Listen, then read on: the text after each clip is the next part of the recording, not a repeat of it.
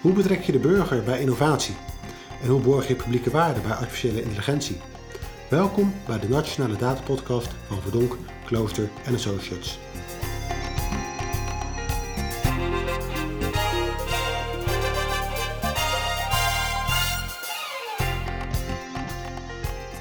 Welkom bij de Nationale Datapodcast. Een podcast met inspirerende gasten en inzichten over het gebruik van data, algoritmes en artificial intelligence in de publieke sector. Mijn naam is Christian Vagen en mijn gast vandaag is Marike van Putten, Senior Innovation Manager bij het ministerie van BZK, Bilanszaken en Koninkrijksrelaties. Welkom. Dankjewel. Leuk dat je hier de gast bent, ook voor het eerst weer een keertje bij ons in de, ja, in de, in de fysieke studio. Um, ik zei net, je bent Senior Innovation Manager bij BZK. Wat doet een Senior Innovation Manager? Ja, dat is goed. Uh, dat is niet altijd in één woord te vangen. Ik doe eigenlijk twee dingen. Binnen een heel mooi cluster, uh, publieke waarde, grondrechten en innovatie. Daar uh, trek ik eigenlijk uh, de experimenteerlijn, hè? de innovatielijn zou je kunnen zeggen, op het gebied van artificial intelligence. Mm-hmm. En wat ik nog meer doe, je kunt je ook voorstellen dat nieuwe technologieën heel veel Europese kanten hebben. En ik coördineer internationale zaken op het gebied van digitale overheid internationale zaken op het gebied van digitale overheid. Uh, waar moet ik dan denken? Dan denk ik aan data science, AI, dat soort zaken. Ja, dat, dat is helemaal waar. Er wordt uh, heel veel door de Europese Commissie gedaan op het gebied van artificial intelligence. Mm. Een van hun belangrijke speerpunten uh, rond uh, blockchain, informatieveiligheid, ook inclusie, uh, data science. Dus dat is eigenlijk een heel groot scala aan onderwerpen. Nou, die doe ik niet allemaal zelf, dat kun je je voorstellen. Mm-hmm. collega's doen dat, maar ik zorg er wel voor dat we eigenlijk ja, goed verbonden zijn met Europa, waar dat niet het geval is. Of informatie van mensen haal die heel sterk in dat Europese netwerk zitten. En nu gebeurt natuurlijk ontzettend veel als je het hebt over uh, nou, dat soort technologieën, maar ook überhaupt als je het hebt over innovatie. Uh, binnen Europa, binnen Nederland, uh, binnen het Rijk, de lagere overheden. Um, tegelijkertijd is er nog wel een soort vooroordeel als je kijkt naar de overheid en innovatie. Hè, dat de overheid toch wat, wat terughoudend, wat star is. En dat het eigenlijk de markt is die echt innovatief is. Hoe kijk jij ernaar? Hoe succesvol is de overheid in het innoveren? ik vind het een hele mooie vraag. Uh, ik zeg ook altijd dat de ene overheidsorganisatie is niet de andere. Sterker nog, het ene onderdeel is niet het andere. um, je hebt hele innovatieve organisaties die, zeg ik altijd, een dominante positie hebben en een unieke uh, dienst. En dat is weer wat anders dan overheidsorganisaties die hele generieke diensten hebben. heb je het over forensisch werk, politiewerk, dan mhm. zie je eigenlijk dat daar heel veel noodzaak is om te innoveren. Hetzelfde geldt voor bijvoorbeeld Rijkswaterstaat. En wat ik eigenlijk wel steeds meer zie, is uh, dat de overheid ook wel de noodzaak inziet om te innoveren. Je ziet dat we hele grote maatschappelijke vragen hebben rond duurzaamheid, uh, gezondheidszorg. Nou, je kunt het zo gek niet opnoemen. En wat ik steeds vaker zie is eigenlijk dat uh, die overheid wel innoveert, maar die mhm. doet dat wel samen met de markt. En dat is denk ik ook een hele belangrijke, dat je die uh, kracht van de markt ook goed gebruikt. En wat is daarvoor nodig om die, om die kracht van de markt goed in te zetten? Ja, daar is voor nodig eigenlijk dat je uh, als overheid je verantwoordelijk voelt voor jouw vraag. En hmm. daarover wil meedenken. En dat je ook niet bang bent om die markt te betrekken. En dat ook al in een heel vroeg stadium doet eigenlijk. Als je met die vraagstukken bezig bent, dat je dan ook manieren ziet om uh, uh, die markt al in een dialoog te betrekken. Al is te vragen van, goh, wat, wat kun je doen? En wat ik zelf wel aardig vind, is dat uh, je ook steeds meer publiek-private partnerships ziet. En er zijn hele goede voorbeelden op het gebied van nieuwe digitale technologieën. Denk aan de Nederlandse AI-coalitie, maar ook aan de Dutch Blockchain Coalition. Mm -hmm. En dat zie ik toch eigenlijk wel vaker. Grote vraagstukken zoals mobiliteit, logistiek, ja, die kun je eigenlijk niet meer alleen als overheid, maar ook niet alleen als bedrijfsleven oplossen. En nu, uh, ja, dan zeg je ook de, bijvoorbeeld uh, de Nationale AI-coalitie, of de Nederlandse AI-coalitie moet ik zeggen. Uh, als een mooi voorbeeld van hoe die publiek-private samenwerking tot stand komt. Nu was recent case van de Cloud, de coalitiemanager was ook de gast in deze, in deze podcast. Uh, en hij vertelde inderdaad over hoe die samenwerking tot stand komt, waarom die belangrijk is. Maar hij zei ook, ja, wat cruciaal is om succesvol te zijn in het innoveren, is het betrekken van de burger erbij. Uh, en zo kwamen we eigenlijk ook op het gesprek van, nou weet je, hoe ga je nou vanuit de vanuit de overheid die burger betrekken bij innovatie. Hoe kom je nou tot een goed, in, in mooie termen, tot een quadruple helix? Ja. hoe, hoe kijk jij daarnaar? Ja, dat is een hele, ook weer een hele mooie vraag. Uh, ik denk dat de burger betrekken. Ik weet toen ik uh, ooit begon met werken, was het idee van de burger betrekken dat je enorme pakken papier naar diezelfde uh burger opstuurde. Nou, dat is natuurlijk niet zo'n handige manier. Godzijdank hebben we nu hele mooie digitale technologieën die het sowieso makkelijker maken. Maar eigenlijk zie ik dat op verschillende manieren. Eén, en dat is eigenlijk ook wel een mooi beginpunt. Als we bij de overheid uh, wat doen, dan zijn we eigenlijk bezig met het oplossen van maatschappelijke vragen en in een aantal gevallen ook direct diensten aan die burger leveren. Wat ik heel belangrijk altijd vind, is dat je heel goed nadenkt over hoe je dat doet en, en wat je wil bereiken. Uh, in een aantal gevallen kun je daar de burger bij betrekken. In het ene geval, als het om dienstverlening gaat, zal die daar zich uh, wat meer toe geroepen voelen dan wanneer je misschien met uh, onderhoud van wegen bezig bent. Maar in alle gevallen slaat het neer in de maatschappij en de burger. En als je kijkt naar artificial intelligence, hè, dan begin je ook altijd met het ontwikkelen van een model. En daar komt die burger eigenlijk al naar voren. kies ik ervoor om ja, te vaak die burger te selecteren waar het om gaat, of, of, of juist niet. Dat zijn al belangrijke dingen.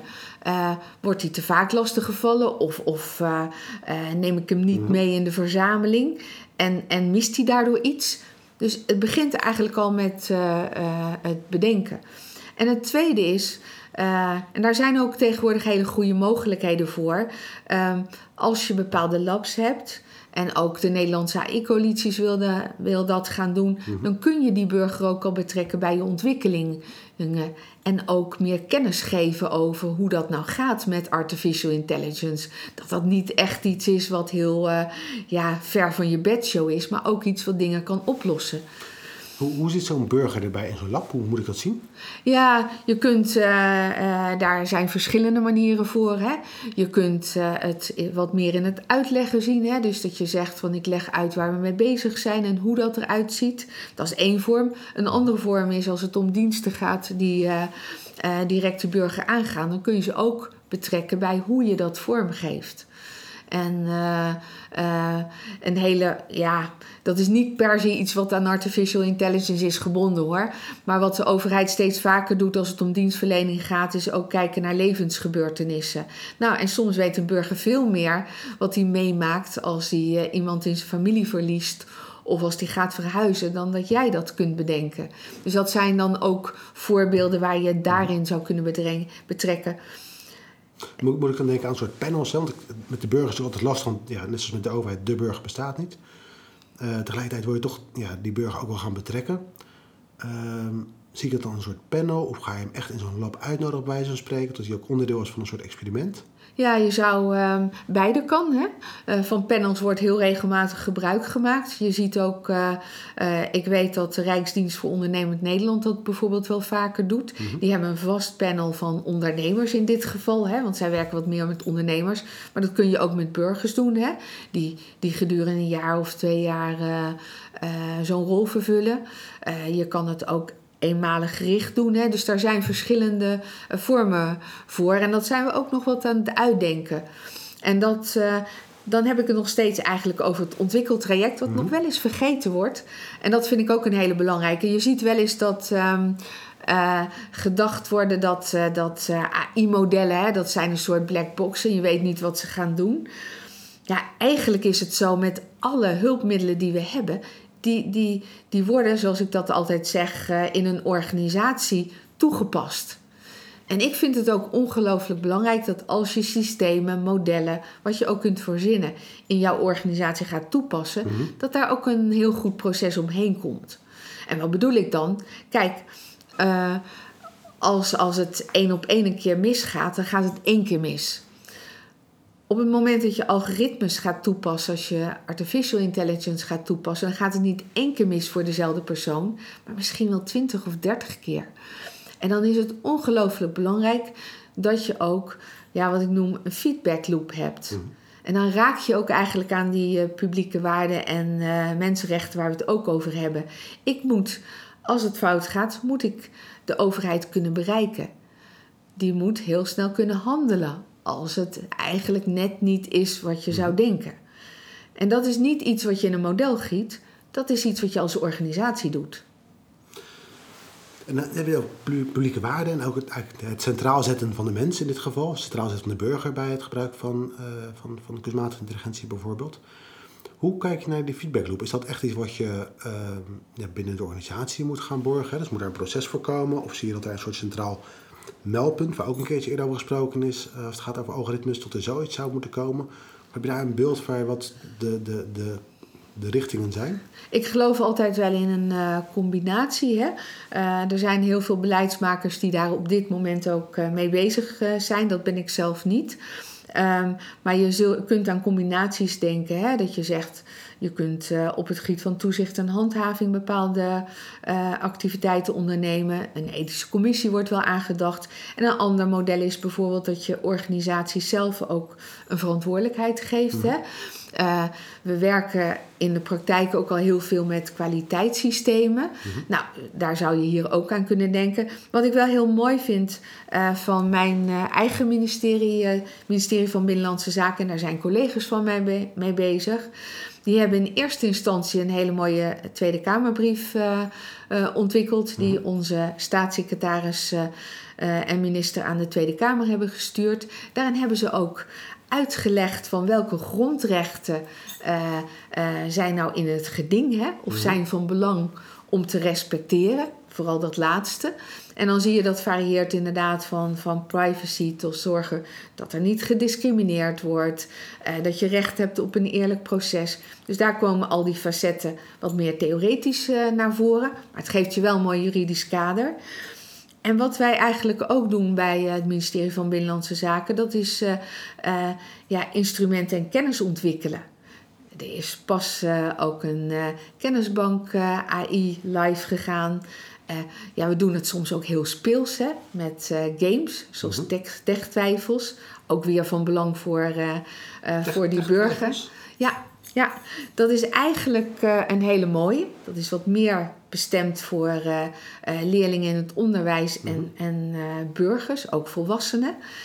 Dat je eigenlijk ook weer, hè, we hadden het over die burger betrekken. Ja. Dat kun je ook doen door kennis te vermeerderen. Nou, en dit is een dilemmaspel. Hè. We kennen allemaal dat dilemma op dinsdagspel in vele varianten. En hier geven dilemma's aan die burger.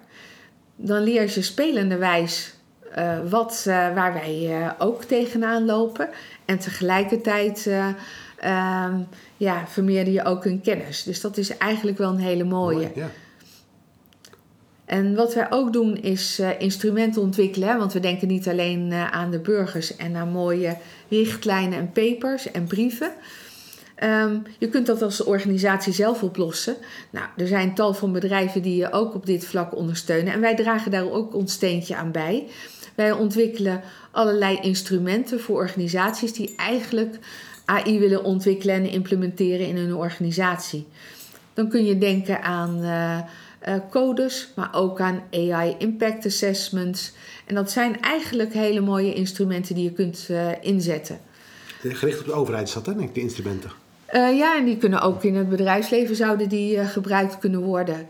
Uh, dus eigenlijk nog wel in een aantal gevallen wat breder toepasbaar. Soms hebben er specifieke overheidsdingen bij. Maar dat is uh, uh, ook als je kijkt naar die Tweede Kamerbrieven. Op het gebied van publieke waarden en grondrechten. Dat is eigenlijk breder toepasbaar dan de overheid. Wat wij wel geloven is dat we ook als, hè, je had het over, loopt die overheid naar achter of niet? Wij denken wel dat we als overheid een voorbeeldrol ook hebben. En dat wij ook al lerende kunnen doen. Uh, we kunnen niet alleen uh, uh, artificial intelligence heel goed benutten voor onze vraagstukken. -hmm. Maar doordat je al lerende doet, kom je de dingen ook in de praktijk tegen. En dat scherpt ja, je inzichten en daarmee je beleid. Maar het scherpt eigenlijk ook waar we het net over hadden: van hoe kun je het nou in de praktijk zo goed mogelijk realiseren. Ja, dat is natuurlijk ook waar de uitdaging ook wel zit. Hè? Want als publieke waarde of, of het uh, het, het, het, centraal stellen van de mens bij dit soort modellen. Ja, dat, dat klinkt heel mooi, maar het blijft vaak nog heel abstract. Dus op het moment dat je het concreet gaat maken naar bijvoorbeeld een handleiding of een instrument of een, een, een toetskader. Ja, dan maak je het daarmee wel concreter. Tegelijkertijd zie je dat er op heel veel plekken dit soort dingen ontwikkeld worden. Niet alleen binnen Nederland, maar ook binnen Europa bijvoorbeeld. Uh, zeker als je het hebt over uh, algoritmes. Hoe kijk je naar de relatie met uh, Europa? Je hebt zelf ook een achtergrond in Europa, weet ik. Um, waar moet Nederland zeg maar, voorop lopen en waar moeten we het overlaten aan Europa? Ja, eigenlijk zijn we ook een beetje Europa, zeg ik altijd. We zijn een lidstaat, hè? Ja. Um, Europa, en dat, daar zijn we eigenlijk wel heel blij mee, die heeft uh, uh, in uh, 2018 was dat, hebben zij ook op de Digital Day in april, hebben zij alle lidstaten ook een partnership op het gebied van artificial intelligence laten ondertekenen. En dat vind ik eerlijk gezegd wel heel mooi. Zo van uh, Europa zei, we, uh, uh, voor ons is het heel erg belangrijk vanuit twee perspectieven. Mm -hmm. Het economische, hè, we willen concurreren met China en de VS. Maar ook om maatschappelijke vragen op te lossen, willen wij meer met artificial intelligence. Dat is gewoon de toekomst.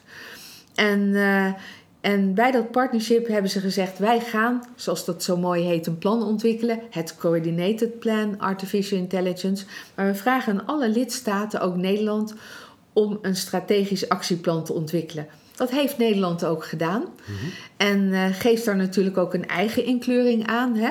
Maar een van de dingen die we heel vaak zeggen is dat wij in Nederland heel goed zijn in die publiek-private samenwerking. En dat we dat ook heel graag naar het buitenland uitdragen. En tegelijkertijd ja, uh, uh, zetten wij acties uit die Europa heel graag ziet. Wat je ook ziet in Europa is dat zij uh, uh, naast zo'n coordinated plan waarmee ze richting geven, uh, ook calls hebben. waarin ze lidstaten uitdagen om met elkaar samen te werken. En ook ja, zowel een netwerk te vormen, zo kun je dat ook zien, een Europees netwerk te vormen en samen te werken mm-hmm. in projecten. Nu zijn wij heel goed in publiek-private samenwerking om dat goed vorm te geven. Uh, om vandaar dat ook, ook, te innoveren. Nu even kijken naar de toekomst. Want er ligt een mooi plan. Er ligt een, een strategisch actieplan uh, AI. Er is een coalitie. Er wordt volop geëxperimenteerd, onder andere in labs. Wat zie je als de belangrijkste uitdagingen? Waar moet Nederland nog beter in worden de komende tijd om echt te kunnen innoveren op het gebied van data en AI? Ja, ik, um, uh, ik zei net inderdaad, ons sterke punt is die uh, publiek-private partnership. Wij denken ook, hè, dat was net ons onderwerp, uh, dat ook die human-centric AI, dat we daar voor oplopen. Hè. We hebben daar ja. heel veel initiatieven ook op dat vlak en dat delen we ook met Europa. Mm-hmm. En uiteraard nemen we ook weer kennis uit Europa mee. Ja, wat ik een hele belangrijke uitdaging vind, niet alleen voor Nederland, maar zeker ook voor Nederland en ook voor andere lidstaten. Um, uh, er gebeurt veel. Er wordt geëxperimenteerd. Uh, er worden hele mooie dingen gedaan. Maar er zijn altijd twee uitdagingen en dat is de opschalingen en, en het echt goed doen. Ja, en eerlijk gezegd, als je opschaling zegt, dan zeg je ook van het moet aan hele grote uh, eisen voldoen. Dat is eigenlijk per definitie zo bij opschaling. En daarvoor is nodig dat je het uh, ja, niet alleen doet. Hè, dat je ook die, die kennisuitwisseling hebt, die samenwerking. En vanuit de overheid gezien, heel specifiek, mm-hmm. dat je ook op een hele goede manier uh, aanbesteedt. Het innovatiegerichte inkopen. En uh, het innovatiegericht inkopen, het, de aanbesteding wordt toch nog vaak misschien wel als een soort ja, een beetje klassiek aangekleed. Als zijnde, we hebben een, uh, we hebben een oplossing die we zoeken en die gaan we uitzetten in de markt. Welke ontwikkelingen zie je op dat vlak? Ja, wat ik zie, uh, het is heel mooi dat je dat vraagt, want ik heb tien jaar geleden een programma gedaan voor het ministerie van Economische Zaken om overheden te stimuleren meer innovatie uit de markt te halen. Ik zag toen nog heel sterk dat gedacht werd, nou die innovatie die koop je even in, hè? Precies. Um, ik vind dat er in tien jaar, en dat is zeker niet doorbij, want ik doe al vijf jaar iets anders, uh, een grote ontwikkeling is gekomen. Uh, het wordt veel meer gezien dat overheid en bedrijfsleven uh, samen ook vraagstukken oplossen. Denk aan mobiliteit, aan logistiek, ook duurzaamheid. Mm-hmm. En het tweede is dat zowel overheden als bedrijven ook wel zien. dat je dit niet in een hok kan doen. Nog de overheid, nog het bedrijfsleven. Je moet eigenlijk al voor die aanbesteding, hè, als die eraan komt, moet je eigenlijk al met elkaar samenwerken. En als overheid, en dat blijft wel een uitdaging hoor, moet je dat aanbestedingsinstrumentarium ook heel goed uitnutten. Dank. dank voor het verhaal. We komen een beetje aan het einde van de, van de podcast. Ehm, en zoals je misschien weet, vragen aan het einde van de podcast. eh, heb je nog tips voor een volgende gast? Wie zouden we nou moeten vragen? Eh, we liggen ook even aansluitend op het onderwerp waar we het juist over gehad hebben, rondom innovatie. Wie zouden we nou moeten vragen voor een volgende podcast? Wat ik wel heel mooi vond, en eh, eh, zoals je weet is mijn achtergrond hè, eh, wat meer in het experimenteren, die overheid meenemen, waar we in deze podcast aan geraakt hebben. Hè, dat is eigenlijk aan ook die publieke waarden en mensenrechten en die mens centraal zetten. Wat ik heel goed zou vinden is dat we ook een expert op dat vlak vragen. Eh, je hebt mensen zoals Janneke Gerards of Jeroen van der Hoven. En ik denk dat dat ook eh, hele interessante gasten kunnen zijn. Dank, dank voor deze tips en deze suggesties. Gaan we zeker meenemen. Ehm, ja, nogmaals dank voor je verhaal. Ja, graag gedaan. En jij bedankt voor je uitnodiging.